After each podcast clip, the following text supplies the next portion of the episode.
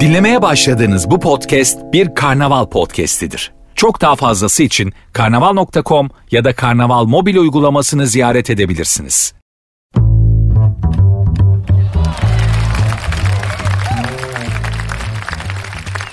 Herkese merhaba. Sert Ünsüz başladı. Ben Nuri. Saat 22'ye kadar kül kedisi Cinderella'nın ya ayakkabısını kaybettiği saat ya da e, işte o ayakkabısını kaybettiği baloya gitmek için yola çıktığı saate kadar sizinle birlikte olup hoşça vakit geçirmeye çalışacağım. İnşallah başarabilirim. Programın Instagram ve Twitter adresini arz etmek isterim. Sert unsuz yazıp sonuna iki alt tere koyuyorsunuz. Benim Instagram adresim de Nuri Ozgul 2021. Çünkü bazısı da ben öyle kurumsal murumsal ben şahsen muhatap olmak isterim kardeşim tavrında olan egosu yüksek arkadaşlar için de kendi Instagram adresimi verdim. Görüş fikir önerileriniz benim için. Önemli program taze bir programdır. Henüz ikinci ayına doğru gidiyor. 6 gün sonra ikinci ayına girecek. Dolayısıyla da sizin ne düşündüğünüz, ne hissettiğiniz, ne diyeceğiniz benim için o kadar önemli ki. Hayatta normal yani normal dışarıdaki hayatta açıkçası başka insanların fikirlerine çok da fazla benimle ilgili düşündüklerine çok da fazla önem vermem. Ha, evet elbette hepimiz ya acaba benim için ne diyorlar ne düşünüyorlar imaj konusunda endişeli kaygılı insanlarız. Doğrusu da budur insanız çünkü yani bir aslan dış görünüşü hakkında endişelenir mi? Bir kokarca pis koktuğu için üzülür mü? Bir leylek ya ben hani nasıl görünüyorum bugün acaba ah falan diye şey yapar mı? Ee, bir yılan deri değiştirdiği zaman ya bu yeni deri de bende güzel duruyor mu diye böyle bir düşünce geçebilir mi? Değil. İnsan olmanın gereğidir. Acaba dışarıdan nasıl görünüyorum? Benim hakkında ne düşünüyorlar? Kaygısı bu insan olmanın bir şeyidir. Bunda bir ayıp yok. Ama çok fazla salladığımı söyleyemem ama iş bahsinde görüyorsunuz ki ne düşünüyorsunuz? Ne istiyorsunuz? Size ne anlatayım? Hadi siz söyleyin falan gibi böyle endişeler taşıyoruz. Çünkü interaktivite çağındayız. Artık her şeyi siz şekillendiriyorsunuz. Patron sizsiniz şekerim. Eskiden böyle değildi. Eskiden ben ne anlatırsam o ben ne söylersem o onu dinleyeceksin Şimdi keser döndü, sap döndü, gün geldi, hesap döndü. Şimdi artık patron sizsiniz. Siz ne isterseniz o olacak. Sizin ne istediğinizi bilmem bu manada önemli. Hanımlar beyler sert ünsüz başladı.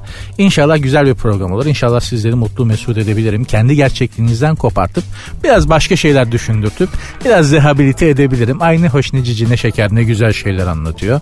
Dedirtebilirim. Benim olayım budur. Benim vazifem görev tanımım budur. Bunu yapabilirsem bugünkü yemeğimi hak etmiş olarak başımı yastığa huzurla koyacağım efendim. Sert ünsüz devam edecek birazdan görüşeceğiz tekrar.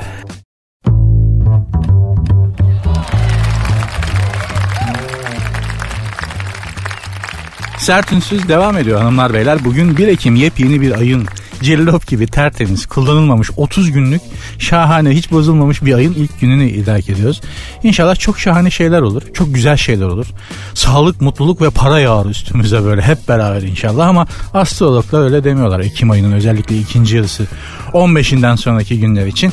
Öyle demiyorlar. Gökyüzü başka şeyler söylüyormuş. Aman zaten efendim hayatımızda iyi şey söyleyen biri kaldı mı? Yani aç televizyona bak hele ana haberleri falan izliyorsan memleket dünya yandı bitti falan gibi geliyor. Ama bunun dışında nedir? Bugün 1 Ekim Dünya Kahve Günü. Kahve müptelalarının kahve gününü kutlarım benim hiç işim olmaz. Ben çay müptelasıyım. Çay meraklısıyım. Ama kahveye de saygımız vardır. Ağır abidir. Kahveye de hürmetimiz vardır biliyorsunuz. Kahve aslında bitkinin adı değil e, Osmanlı döneminde işte Kanuni Sultan Süleyman dönemine denk geliyor zannediyorum. Kahve bitkisi bize ithal edildi, bize geldi, bizim topraklarımıza geldiği zaman Etiyopya'dan Gahva diye bir liman kentinden geliyor. Bizimkiler bu nedir diye soruyorlar ama kahve bitkisini, kahve çekirdeklerini İstanbul'a getiren tüccar, Afrikalı tüccar bu nereden geliyor sorusunu sorduklarını zannedip gahva diyor. Gahva dediğim gibi kahve bitkisinin Osmanlı topraklarına geldiği Etiyopya'daki ya da Afrika'daki liman, ticaret limanı. Dolayısıyla bizimkiler bitkinin adını gahva zannedip bizim dilimizde kahveye evriliyor ki bizim dilimizde gerçekten kaba şeyleri yontan naif bir dildir. Yani mesela Araplar e, ya da Acemce mi bilmem manara derler. Biz minare diyoruz. Bak ne kadar İranlılar gul derler kabadır biraz. Biz gül yaparız onu. Bizim dilimiz biraz inceltir güzeltir naifleştirir. Lisanımızın da kıymetini bilelim. Zarif bir dildir Türkçe düzgün kullanabilirsek. Allah hepimize kendi lisanımızı düzgün konuşabilmeyi nasip etsin ki en önemli eksiklerimizden biridir A'dan Z'ye. Yani hani öznesi dolaylı tümleci, ya tümleci ve yüklemi yerinde cümle kurana çok nadir rastlanıyor. Yazan dahil yani maalesef. Neyse hadi mevzu dallanıp budaklanacak. Oralara girmeyelim. Dünya kahve gününüz kutlu olsun. Sebep olan Afrikalı tüccar kimse kemikleri çoktan sürme olmuştur ama biz o bitkiye hala kahve diyoruz. E, keşfedilmesi ilginç. E, Afrika'da bir çobanın e, keçilerinin o kahve ağacının kahve bitkisinin kırmızı tohumlarını yedikten sonra e, kafalarının 1500 olduğunu dans ettiklerini keçilerin dans edip hoplayıp zıpladıklarını fark ederek ya bu bitkide bir şey var Allah Allah bunu yiyen sapıtıyor. Bunu yiyen keçi sapıtıyor diyerek o bitkileri topladı bir şekilde işte bugünkü kahve şekline getirildiği zamanla süreçte anlatılır falan filan. İşin hikaye kısmı uzun. Mesela kanguru diye bir hayvan var. Kanguru aborjin dilinde bilmiyorum demek. Kanguru kanguru diye bir hayvan var ya bilmiyorum demek. Çünkü aslında hayvana isminin konması da türe isminin konması da bir acayip olmuş. Avustralya'ya gidip de kanguruyu ilk görenler aborijine kendilerine rehberlik eden aborijine demişler ki bu ne? Bunun adı ne? Adam da kendi dilinde kanguru demiş. Bilmiyorum. Bunlar da adı kanguruymuş diye hayvana kanguru demişler. Böyle çok enteresan ve garip isim koyma, literatüre isim olarak kaydetme hikayeleri var. Bizim bununla bilgimiz var mı? Yok. Kahveye fazla yüklenmeyin. Tansiyonu biraz çıkartır ama karaciğere iyi geliyor derler. Antioksidan derler. Bilmiyorum ben daha çok kahve falıyla ilgiliyim. Çok iyi bakarım. Hakikaten istikbalinizi görürüm yani. Ama hiçbirinize kahve falı bakmayacağım. Sakın Instagram ve Twitter'dan bana kahve fincanı yollamayın. Zaten baş ağrısı yapıyor. Üç gün baş ağrısından kurtulamıyorum. Ama iyidir bir erkek için bakın buradan da buraya gelelim Dünya Kahve Günü'nden. İyi kahve falı bakan bir erkek için bu bir kadın mıknatısıdır. Yani bütün kadınlar, bütün genç hanımlar size doğru çekilirler böyle. Ellerinde içilmiş ters çevirmiş. Bana ne olur fal baksana falan diye. Güzel ekmek yersiniz. Biraz kaba saba bir tabir oldu ama erkek duygusunun, erkek dünyasının ne olduğunun altını çizmek için e, söylüyorum. Yoksa buradan size çapkınlık macerası anlatacak, tüyosu verecek değilim. Ama iyi kahve falı bakan bir erkek ya bir tane kadına çok iyi bir kahve falı bakın ve o çıksın söyledikleriniz. Ondan sonra siz uğraşmayın. Zaten o kadın network'ü arasında yayılır. Alır gider şöhretiniz yürür. Çok ilgi alaka görürsünüz. Başımdan geçtiği için söylüyorum. Yoksa bilmesem söylemem yani. Bütün kahve müptelalarının Dünya Kahve Günü kutlu olsun. İnşallah kahve acı bile olsa yaşadıklarımız, söylediklerimiz ve hissettiklerimiz hep tatlı olur. Hanımlar beyler programın Instagram ve Twitter adresi aynı. Sert unsuz yazıp sonuna iki alt dire koyuyorsunuz. Sert unsuz yazıp sonuna iki alt dire koyuyorsunuz. Benim Instagram adresim de Nuri Ozgul 2021.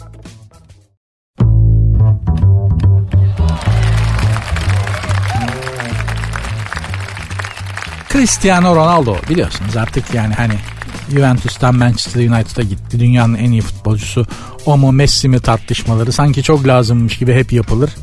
Bir de böyle spor yorumcuları var. Yani Ronaldo'nun iki kuşak önceki büyük ninesinin sağ kalçasında ne zaman çıban çıktığını falan biliyor.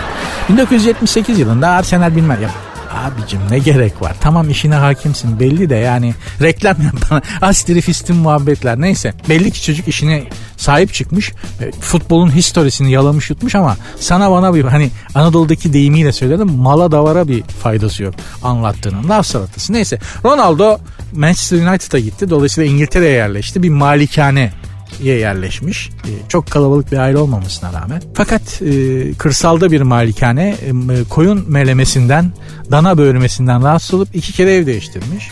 Ah be bebeğim yani sen İstanbul'a gel bak iki dakika duramazsın. Yani iki ayaklı sığır gürültüsünden bizde de öyle. Yani Ronaldo gerçek sığırların gürültüsünden rahatsız oluyor. İstanbul'da bizde iki ayaklı mebzul miktarda bulunan sığırların gürültüsünden çok rahatsız oluruz. Dünyada ya bu kadar pervasız gürültü yapılan başka bir şehir yoktur yani metropol yoktur. Bu kadar sahipsiz gürültü kirliliği açısından bilmiyorum herhalde New York'u falan yakalamışızdır İstanbul olarak her an. Ya ben şehrin dışında bir yerde yaşıyorum ve gece balkona çıktığım zaman duyduğum şehrin uğultusunu hakikaten ürkütücü. Bazen çok ürkütücü oluyor. Şehir uğulduyor ve öyle böyle değil yani. Berbat bir ışık kirliliği ve müthiş bir ses kirliliği içerisinde yaşıyoruz. Bir de enteresan bir şey var mesela gürültüden işte daha sağlıklı bir hayat için şehrin sakin yerlerine, daha ormanlık arazilerine yakın yerlerine kaçanlar kendi görgüsüzlüklerini de beraberlerine getiriyorlar. Sen şimdi bu buraya niye geldin? Sessiz, sakin, huzurlu bir hayat için. Göya buraya sen huzura ermek için geldin ama sen buraya geldin diye ve bunu talep ettin diye yüksek volümlü sesin böyle volüm düğmesinin köklendiği mekanlar açılıyor. Sen de o orman içindeki evinden çıkıp oralara gidip relax oluyorsun. Şehirde müthiş bir gürültü kirliliği oluyor. Ve hiç kimse de yani yetkililerden hiç kimse de ya birader siz burada ne yapıyorsunuz? Bu sesi niye bu kadar açıyorsunuz? Burası dağ başı mı diye sormuyor. Bakın bir de şöyle bir şey var. O gürültülü müzik yapan sesi dışarıya taşıran mekan sahipleriyle de tartışmaya gelmiyor. Çünkü adamların çok önemli kısmının yeraltı bağlantısı var. Hatta bizzat kendileri yeraltı. Ya kardeşim şu sesi biraz kısın lütfen falan dediğiniz anda disk kapağınızdan garanti olabilirsiniz. Kimse de sizin davanızı takip etmez. Yani işte Ronaldo İstanbul'a geldi düşün. Yani hani koyun ve davar sesinden rahatsız oldu. Yıldım ulan Londra'dan İngiltere'den dedi. İstanbul'a gidiyorum dedi. Burada mutlaka gittiği yere yakın yüksek sesli müzik yapılan bir yer vardır. Ronaldo oraya gidip ya şu sesi biraz kısın lütfen rahatsız oluyoruz uyuyamıyoruz dese Ronaldo'yu diz kapağından ya bacaklarını kırarlar ya diz kapağından vururlar. Kimse de dediğim gibi davanızı takip etmez yani. O yüzden mümkün olduğu kadar kimseyle muhatap olmamaya gayret edin. Ah, haddini aşan zıddına döner diye bir laf vardır. Çok önemli laf. Çok önemli bir sözdür. Haddini aşan zıddına döner diye. O, o, o şu demek haddini aşan belasını kendi kendine bulur. Demek ki bizim de artık yapabileceği hani işimiz Allah'a kaldı deniyor ya. İstanbul'da yaşayan insanlar olarak bizim işimiz Allah'a kalmış durumda. Yani hani şimdi şehrin emniyet müdürü var, valisi var, trafik müdürü var, karakol amirleri var. Var değil mi yani bu insanlar şey olarak var. Var ama aslında bizim için pek de yok gibiler yani. En azından varlıklarının bize bir faydası yok. O, hissedemiyoruz bunu. Ee, bunu da bir not olarak ben şahsım adına iletmiş olayım. O yüzden Ronaldo kardeşim sen yat kalk dua et. Bak gerçek koyun ve sığır sesinden rahatsız oluyorsun. Yani koyunlar meyliyor, sığırlar böğürüyor. Bu onların doğası gereği. Tamam mı? Bundan rahatsız oluyorsun ama bu otantik bir şey, orijinal bir şey. Doğaya ait bir ses. Biz İstanbul'da yaşayan insanlar olarak iki ayaklı sırların gürültüsünden muzdarip oluyoruz. Kimse de bizden yana çıkmıyor. Anlatabiliyor muyum? Dolayısıyla sen yat kalk dua et. Dört ayaklı orijinal sığır ve manda sesinden rahatsız oluyorsun. Allah sana çok büyük bir nimet vermiş. Sevildiğini bil. Allah'ın sevgili kılısın.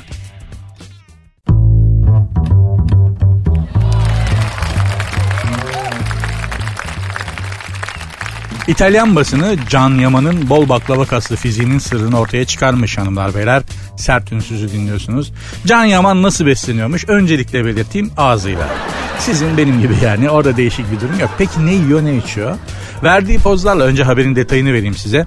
Verdiği pozlarla İtalyan kadınlarının yüreğini hoplatan Can Yaman için bir araştırma yapan ülkenin magazin medyası yakışıklının günlük beslenme programını yazmış. Şimdi Can Yaman kadar yakışıklı değilim, karizmatik değilim. Onun kadar param da yok, şöhretim de yok ama açık söyleyeyim hani vaktiyle kimi İtalyan kadınlarının yüreğini ben de hoplattım övünmek için ya da marifet diye söylemiyorum. Çok zor bir şey olmadığı için söylüyorum. İtalyan kadınların yüreğini hoplatmak çok zor bir şey değil. Onu belirtmek için söylüyorum tarzınız olsun. 120 kiloda olsanız İtalyan kadının yüreğini hoplatırsınız. Tarzı olan adamın hakkını veriyor şimdi İtalyan kadınları. Haklarını yemeyelim yani. Ha ama yine de Can Yaman Yunan heykeli gibi çocuk. Hani şey derler ya bunca yıllık Romalıyım böyle sütun görmedim diye. Can Yaman da Allah için sütun gibi bir kardeşimiz. Bir kere bizim insanımız tabii ki öveceğiz, kıymetini bileceğiz. Her türlü Can Yaman'ın arkasındayız. Bu tartışılmaz. Yalnız Can Yaman'a bir abi tavsiyesi. İtalya'nın Calabria diye bir bölgesi vardır cancığım. Orada kadınların yüreğini hoplatırken çok dikkat et. Hatun, çünkü hatunların hepsi makinayla geziyor. Acayip sakat bir yer Calabria. El kadar bebelerde bile silah var. Mermi falan zaten leblebi gibi ortalıkta satılıyor. O sebepten Can Yaman kardeşim aman diyeyim. Kalabriyalı kadınlara dikkat et ve hiçbir Kalabriyalı kadının kalbini kırma. Çünkü Kalabriyalı kadınlar öyle kalbi kırılan diğer kadınlar gibi yok depresyona girmek, ağlamak, eve kapanmak, tatlı krizine girip romantik e, komedi seyrederken böyle ağzına pıs pısla işte krema sıkmak gibi tuhaf şeyler yapmıyorlar. Kalabriyalı kadınlar kalbini kıran adama direkt sıkıyorlar. Diz kapağından garanti olabilirsin Can Yaman açık söyleyeyim yani. Nuri abinin bu tavsiyesini kulağına küpe yap. Biz yine de Can Yaman nasıl besleniyormuş bir bakalım. Hamurdan uzak duruyormuş asla duramam. Yani çok özür dilerim kahvaltıda önüme tulum peynirli sigara böreğini koyacaklar da ben yemeyeceğim. Sebep Can Yaman gibi olacağım. Zaten yaş olmuş 51. Beni alan almış, satan satmış. Can Yaman gibi olsam da olur. Dayanamur işine gitsin. Her sabah güne 3 rafadan yumurtayla başlayan Can Yaman'ın çay ya da kahve içmediğinin güne 1 litre sütle başladığını belirtmiş İtalyan medyası. Şimdi tabii ben yağda sucuklu yumurta tercih ederim açıkçası rafadan değil de farkındaysanız tipim neden Can Yaman gibi değil de Quasimodo gibi olduğunu da beslenme tarzın ortaya çıkartıyor. Öğlen yemeğini yine protein ağırlıklı yiyen Can Yaman'ın günde ortalama en az 1 kilo et tükettiği ortaya çıkmış. Burada da şu soru geliyor akıllara hangi hayvanın eti? Yani bu arkadaşımız hangi hayvanın etini yiyor da bu kadar yakışıklı oluyor arkadaşlar. Sığır eti yiyorsa ben de yiyorum ama şebeğin önde gideniyim. Can Yaman öyle olmadığına göre başka bir hayvan eti yiyor olması lazım. Orada bir informasyon boşluğu var onu belirtmek lazım. Yaman'ın akşam saatlerinde ise tropikal meyvelerle beslendiği ve uyumadan önce yine en az bir bardak süt tükettiği yazıldı. Hayranları Can Yaman'ın bu beslenme şekline şaştı kaldı. Arkadaşlar şaşırmayın. Bunun adamın yediğiyle içtiğiyle alakası yok. Allah çocuğun kromozomlarını öyle bir dizmiş ki olmuş iyon sütunu gibi. Yoksa düzgün fiziğin etle, sütle, yediğinle, içtiğinle, affedersin kinoa salatasıyla falan alakası yok. Nasıl işi bunlar? Kromozom dizilişinde bitiyor bu iş. Bu kromozom dizilişine de okey taşı gibi değiştir gibi değiştiremiyorsunuz maalesef. Yaratılışta Rabbim diziyor, mezara kadar o şekil gidiyorsun. Allah hepimizin sonunu hayretsin. Can Yaman'a da İtalyan kadınlarının yüreğini hoplatma mesaisinde üstün başarılar diliyorum. Ama Kalabriyalı kadınlara dikkat Can.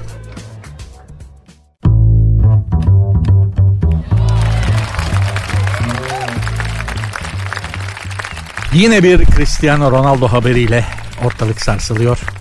Cristiano Ronaldo 7 saat benzin kuyruğunda beklemiş. Londra'da Brexit'ten dolayı İngiltere ekonomisinin şaftı kaymış durumda şu an arkadaşlar. Sadece Londra'nın değil. Akaryakıt bulunamıyor Londra'da. Bunlar Avrupa Birliği'nden çıktılar ya Avrupalı işçiler ülkelerine dönünce İngiltere'de nakliyeci açığı oluşmuş. Artık nasıl oluyor bilmiyorum o bağlantı. Bu da akaryakıt kıtlığına sebep olmuş. Vay arkadaş o koskoca emperyal, sömürgeci, dünyanın iliğini kemiğini sömüren, üstünde güneş batmayan imparatorluk denen İngiltere 1970 Türkiye'sine döndü. ben çocukken tüp kuyruğunda bekledim mesela çok iyi hatırlıyorum. Sanayi kuyruğuna girdim mi onu hatırlamıyorum. Ama tüp kuyruğunda çok beklemişliğim var. 40 sene sonra İngiltere 1970 model Türkiye oldu iyi mi? Ee, tatlı tatlı yemenin acı acı nesi olur? Ödemesi olur. İngiltere'de şimdi onu yaşıyor. Kısaca İngiltere'de akaryakıt bulmak zor. Koskoca Cristiano Ronaldo 7 saat akaryakıt kuyruğunda beklemiş. Üstelik alamayıp geri dönmüş açık söyleyeyim kalıbının adamı değilmiş diyebilir miyiz acaba Ronaldo için? Şimdi ben Ronaldo olacağım. Yani şöyle düşünüyorum. Ben Ronaldo olacağım. O kadar şöhretim, o kadar param olacak. Sonra da 7 saat akaryakıt kuyruğunda bekleyeceğim. Bir de alamadan geri döneceğim. Yok öyle bir dünya. Açık söyleyeyim yok öyle bir dünya. Neydi o suratının Rabbisi silinmiş böyle nursuz suratlı bir Suudi prens. Ha Salman Salman. Ha Prens Salman. Ben Ronaldo olacağım. O Salman var ya o Suudi prensi Salman petrol varillerini develere yükler, Londra'daki malikaneme bizzat getirir, sevk irsaliyesini de kapıda kendi keser. Ayrıca Nuri'cim 4 varil petrol getirdim, yanında da hediyem olarak 2 bidon zemzem suyu getirdim. İç mübarek zemzemi maddi manevi şifalara vesile olsun kardeşim der. O Suudi prensi. Salman ben Ronaldo'nun yerinde olsam. Ronaldo'ysan kalibrini belli edeceksin, rüzgarını yapacaksın öyle değil mi? Yoksa Ronaldo olmanın ne anlamı var? Ha nedir? Medeni çocukmuş, efendi gibi kuyruğa girmiş, sırasını beklemiş. Aferin. Bizde olmayan bir kültür. Maalesef yani İstanbul'u kastediyorum. Bütün memleket için. Konuşmuyorum. Bak bunlarda mesela İngiltere kraliçesi de girer o benzin kuyruğuna hiç yüksünmez. O bunlarda o kültür var. Zaten iki tane dünya savaşı görmüş. Öyle bir kadın İngiltere kraliçesi. Yani yokluğa kıtlığa alışık bir kadındır.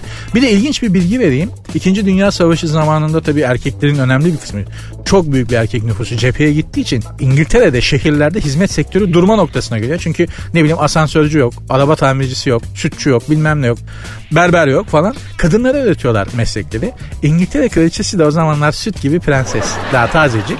Buna da otomobil motor tamiri, otomobil motoru tamirini öğretiyorlar. Koca İngiltere kraliçesi düşününüz 10 numara motor ustası aynı zamanda. Al bugün getir bizim İstanbul'da çöp yolunda 4 Levent Otosanayi'de motor ustası olarak çalıştır. Koca arabayı takozu alır, motoru indirir, tamir eder, yerine tekrar da monte eder. Gülme. İngiltere kraliçesi ama çok Osmanlı kadın bu Elizabeth. Bildiğiniz gibi değil.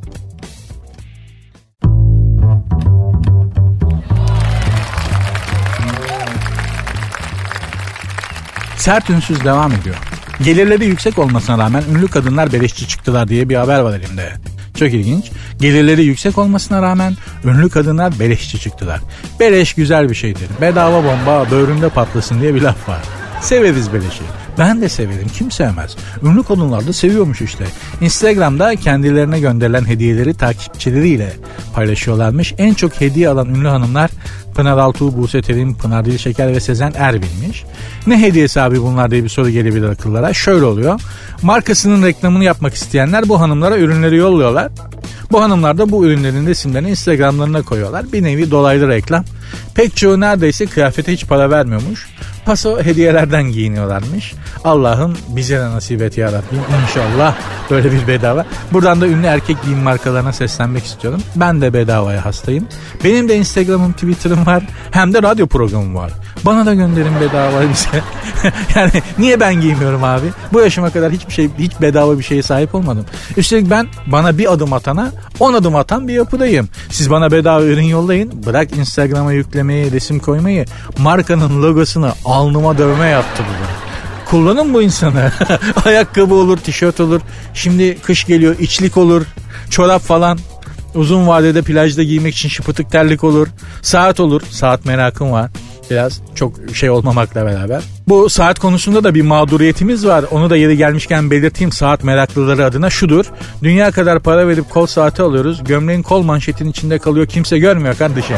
Bu saati takacak başka bir yer bulmak lazım.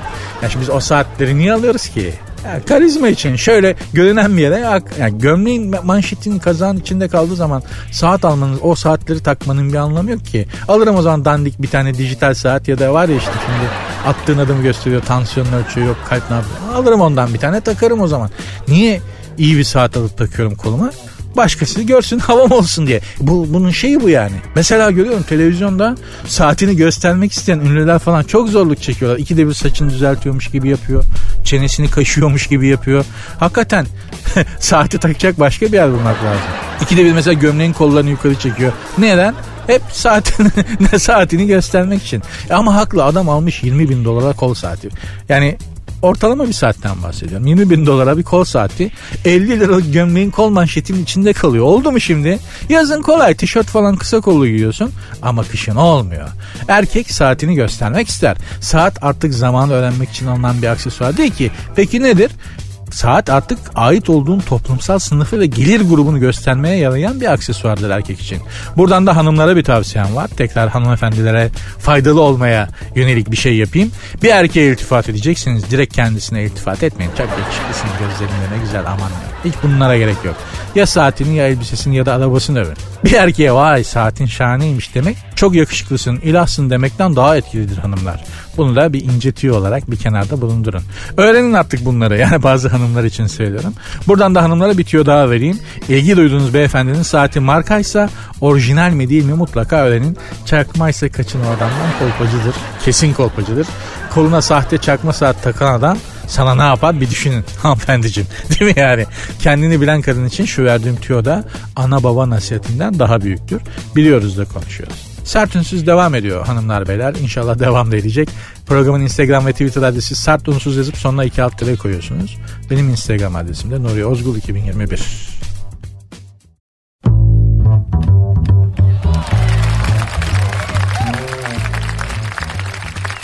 Johnny Depp itibarı için savaşıyormuş. Johnny Depp'i biliyorsunuz e, ne Karayip Korsanlarındaki abimiz muhteşem bir oyuncu gerçekten. Eski eşi Amber Heard ile arasında bir hukuk mücadelesi varmış. Amber Heard Johnny Depp'i bana evliyken dayak attı diyerek mahkemeye vermiş.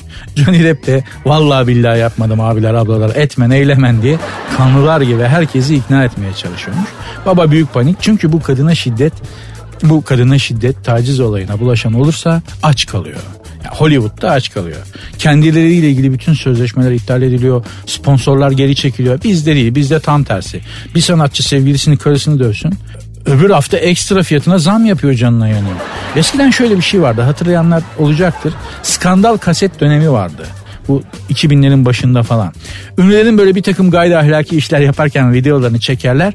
internete verirlerdi, ortalığa verirlerdi.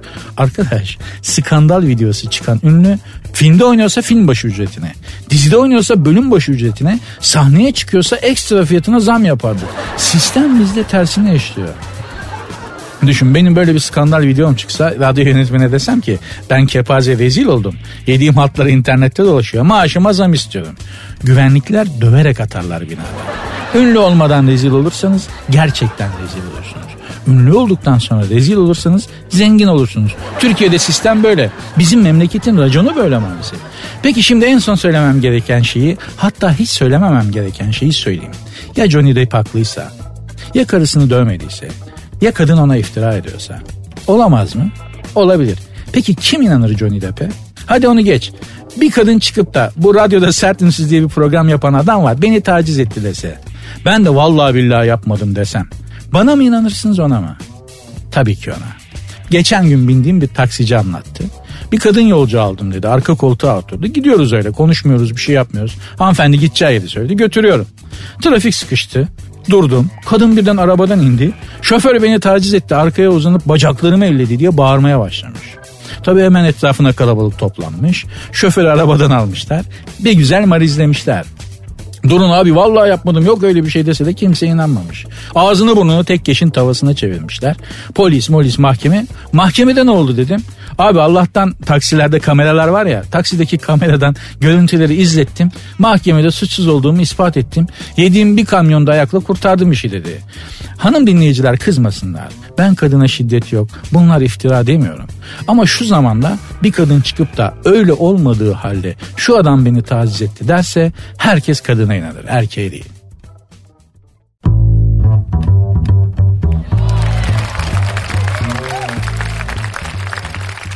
Mutluluk kumbaraları duymuş muydunuz? Japonya'da yeni trendmiş bu mutluluk kumbaraları.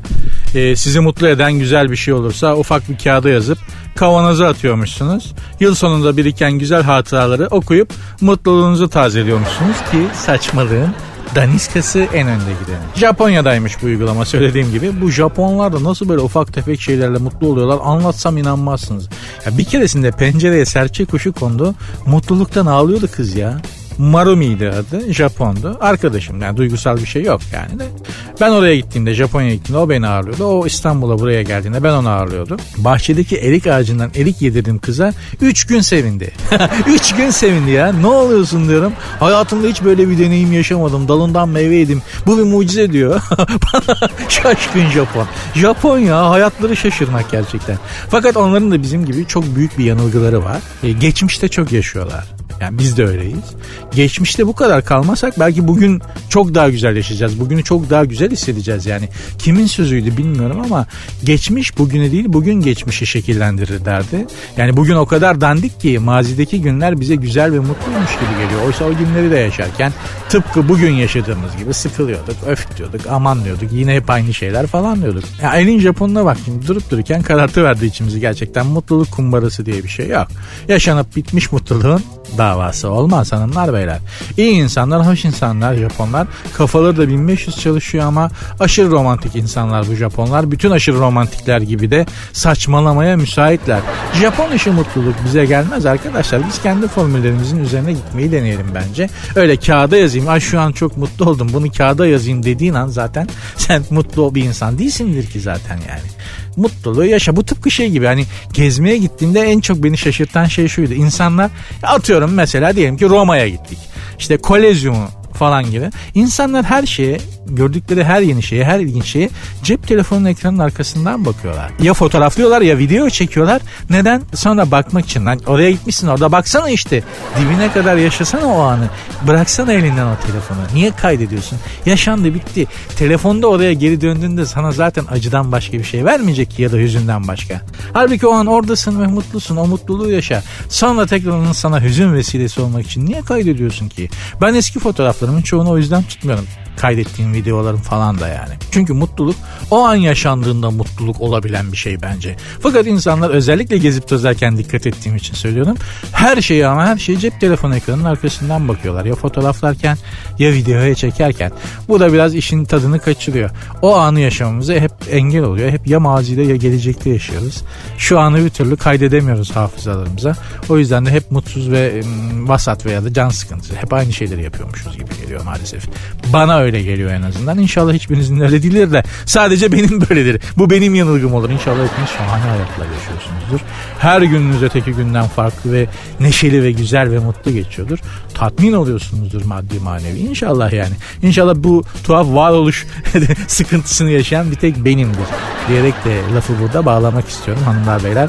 Programın Twitter ve Instagram adresi aynı. Sert unsuz yazıp sonuna iki alt koyuyorsunuz. Benim Instagram adresim de Nuri Ozgul 2021. Neden bu kadar sık verdiğimi tekrar izah etmek isterim Twitter ve Instagram adresimi. Patron bakıyor. yani hakikaten bakıyor. Sayıyor ya adam. Enteresan bir kişilik.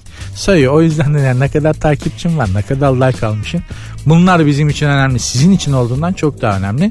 Çünkü biz böyle şeyleri yani like alamazsak, takipçi kasamazsak işimizden oluyoruz. Şimdi bir muhasebecinin böyle bir kaygısı var mı? Instagram'da takipçi sayım yükselmiyor. Beni işten atacaklar korkusu var mı? Yok. Like alamadım diye bir çöpçü üzülür mü? Üzülmez. Ama biz ekmek var işin sonunda. O yüzden bu kadar sık Instagram ve Twitter adresi veriyorum. Siz de elinizi korkak alıştırmayın. Bir zahmet. Devam edeceğiz.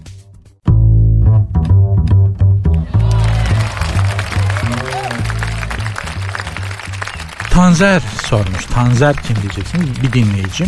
Sert Ünsüz dinleyicisi. Soru göndermiş bana sağ olsun. Derhal okuyalım. Diyor ki abi yeni bir ilişkiye başladım. Yalnız gün geçtikçe fark ettim ki kız arkadaşımın arkadaşlarının hepsi erkek. Bu gerçekten tedirgin bir durumdur. Sayabildiğim kadarıyla 32 tane 32 tane erkek arkadaşı var. O da sayabildiği kadarıyla. Tanzer'cim sen onun kız olduğuna emin misin? Gerçekten.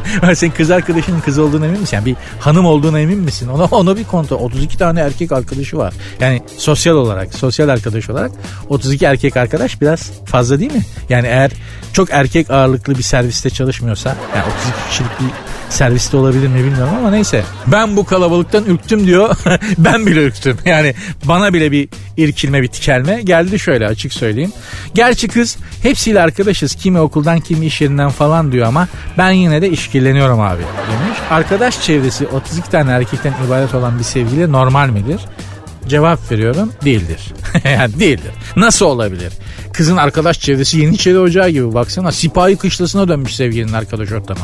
Bu benim de başıma geldi bir zamanlar. Yani biliyorum bir sevgilim vardı. Geziyoruz haliyle tanıdıklara rastlıyoruz falan gezdikçe. Ya kızın denk geldiğimiz tanışların hepsi erkek. Tamamı da böyle tamamı da Burak Özçivit gibi, Kıvanç Tatlısu gibi çocuklar. Kim bunlar diyorum? Liseden arkadaşlarım diyor. Ya bu nasıl lise? Erkeklerin hepsi boy 1.90, gözler yeşil ya da mavi. Böyle lise mi olur? Sen hangi liseden mezunsunuz dedim. Düz liseden dedi. Ya bu nasıl bir düz lise? Düz lise dediğin yerden en fazla 3 ya da 4 yakışıklı olur. Daha fazla olmaz. Niye? Çünkü düz liseye senin benim gibi işçi memur çocukları gider. Bize de fakirlik yüzünden küçük yaştan beri bulgur pilavını, keteyi falan dayadıklarından proteinsiz büyüdüğümüz için aramızdan çok fazla yakışıklı çıkmaz. En kötüsü de nedir biliyor musunuz? Onu bunu geçin de. Bunu daha önce söyledim mi hatırlamıyorum ama tekrar söylemekte bir sakınca yok. Hani bir erkek için en kötüsü. Hani sevgilinle yolda giderken kız erkek bir tanıdığına rastlar. Eleman senden daha yakışıklıdır. Aa canım ne haber falan diye bunlar sarılır öpüşür. Muhabbet etmeye, sohbet etmeye başlarlar. Sen böyle bir Rus finosu gibi bir kenarda yüzünde aptalca bir sırtışla bunların muhabbetinin bitmesini ya da kızın seni o garip gizemli yakışıklı arkadaşıyla tanıştırmasını beklersin. Çok pis bir duygudur o. Hakikaten öyledir yani. Ben yılların içinden süzüp edindiğim tecrübemle herkese şunu tavsiye ederim. Sevgilinizin mazisini karıştırmayın. Gerçekten. Çünkü sevgilinin mazisi elektrik trafosu gibidir. Kurcalarsan çarpılırsın. Özellikle beylere söylüyorum. Ha ama tabii şu da var. Sevgilinin arkadaş çevresinin paso erkek olması da insanı bir bozar yani. E ne yapsın Tanzer? diye bir soru gelebilir akıllara. Tanzer ne yapsın? Vallahi ilk önce şu adını bir değiştir bence. Tanzer ismiyle yaşamak çok zor olmalı yani. Yanlış anlama. Benim bile ağzımdan Tanzer yerine birkaç kere Panzer lafı çıkacaktı. İsimle alay edilmez. Ben de o o kadar e, seviyesi düşük biri değilim ama Tanzer ismi zor be Tanzerciğim. Yani hani makara konusu yapmak için söylemiyorum. Hakikaten bu isime biraz çare bulmak lazım gibi geliyor. Yani şimdi önce isme çare bul. Tanzer ismine bir çare bulabiliyorsan bul.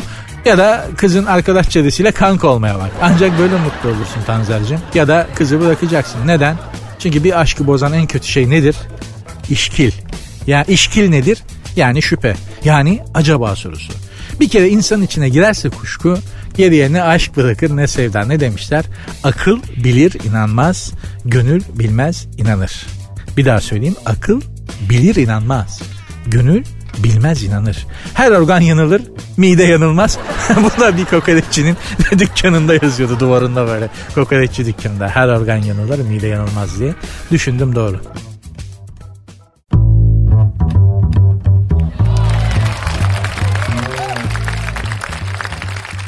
Hanımlar beyler sert ünsüz devam ediyor ama bu bugünkü son anonsum. Sizinle son kez bugün bir arada olacağız. Aman ne olur yine aman ha bitti madem diye çevirmeyin. Programı beraber açtık beraber kapatalım hanımlar beyler. Hiç hayatı ıskaladığınız duygusuna kapıldınız mı? Hayat sizin olduğunuz yerde değil de başka bir yerde çok daha güzel ve layıkıyla yaşanıyormuş da siz bunu kaçırıyor musunuz gibi geldi mi? Dünyaya insanların hayatını değiştirecek, hatta bütün dünyanın çehresini değiştirecek çok büyük işler yapmak için gönderilmişsin ama birbirine benzeyen günlerin içinde savrulurken maksadını kaybetmişsin de boş işlerle sıradan bir insan olarak zaman kaybediyormuşsunuz gibi geliyor mu size hiç? Hani bir odaya girersiniz de böyle girdiğin anda o odaya neden girdiğini unutur böyle kala kalırsın. Onun gibi hayatınız size öyle hayatınız o, o oda gibi geliyor mu? O odaya girdiğiniz anda hissettiğiniz maksadını kaybetmişlik duygusu gibi geliyor mu hiç? Eğer hayatınız sıkıcı bir film gibi ise siz bile onu izlemeye katlanamıyorsanız hayatınızın yönetmeni kim? Kim onu bu kadar sıradan ve sıkıcı yapıyor? Siz mi? Yoksa hayatınızın yönetmeni bir başkası mı? Bütün bu yaptıklarımızı niye yapıyoruz? Neyi elde etmeye çalışıyoruz? Para mı? Kariyer mi? Karizma mı? Mutluluk mu? Yoksa amaç için araç olanları amaç mı edindik? İçimizdeki dolmak bilmeyen boşluğun sebebi bu mu? Çocukları düşünün.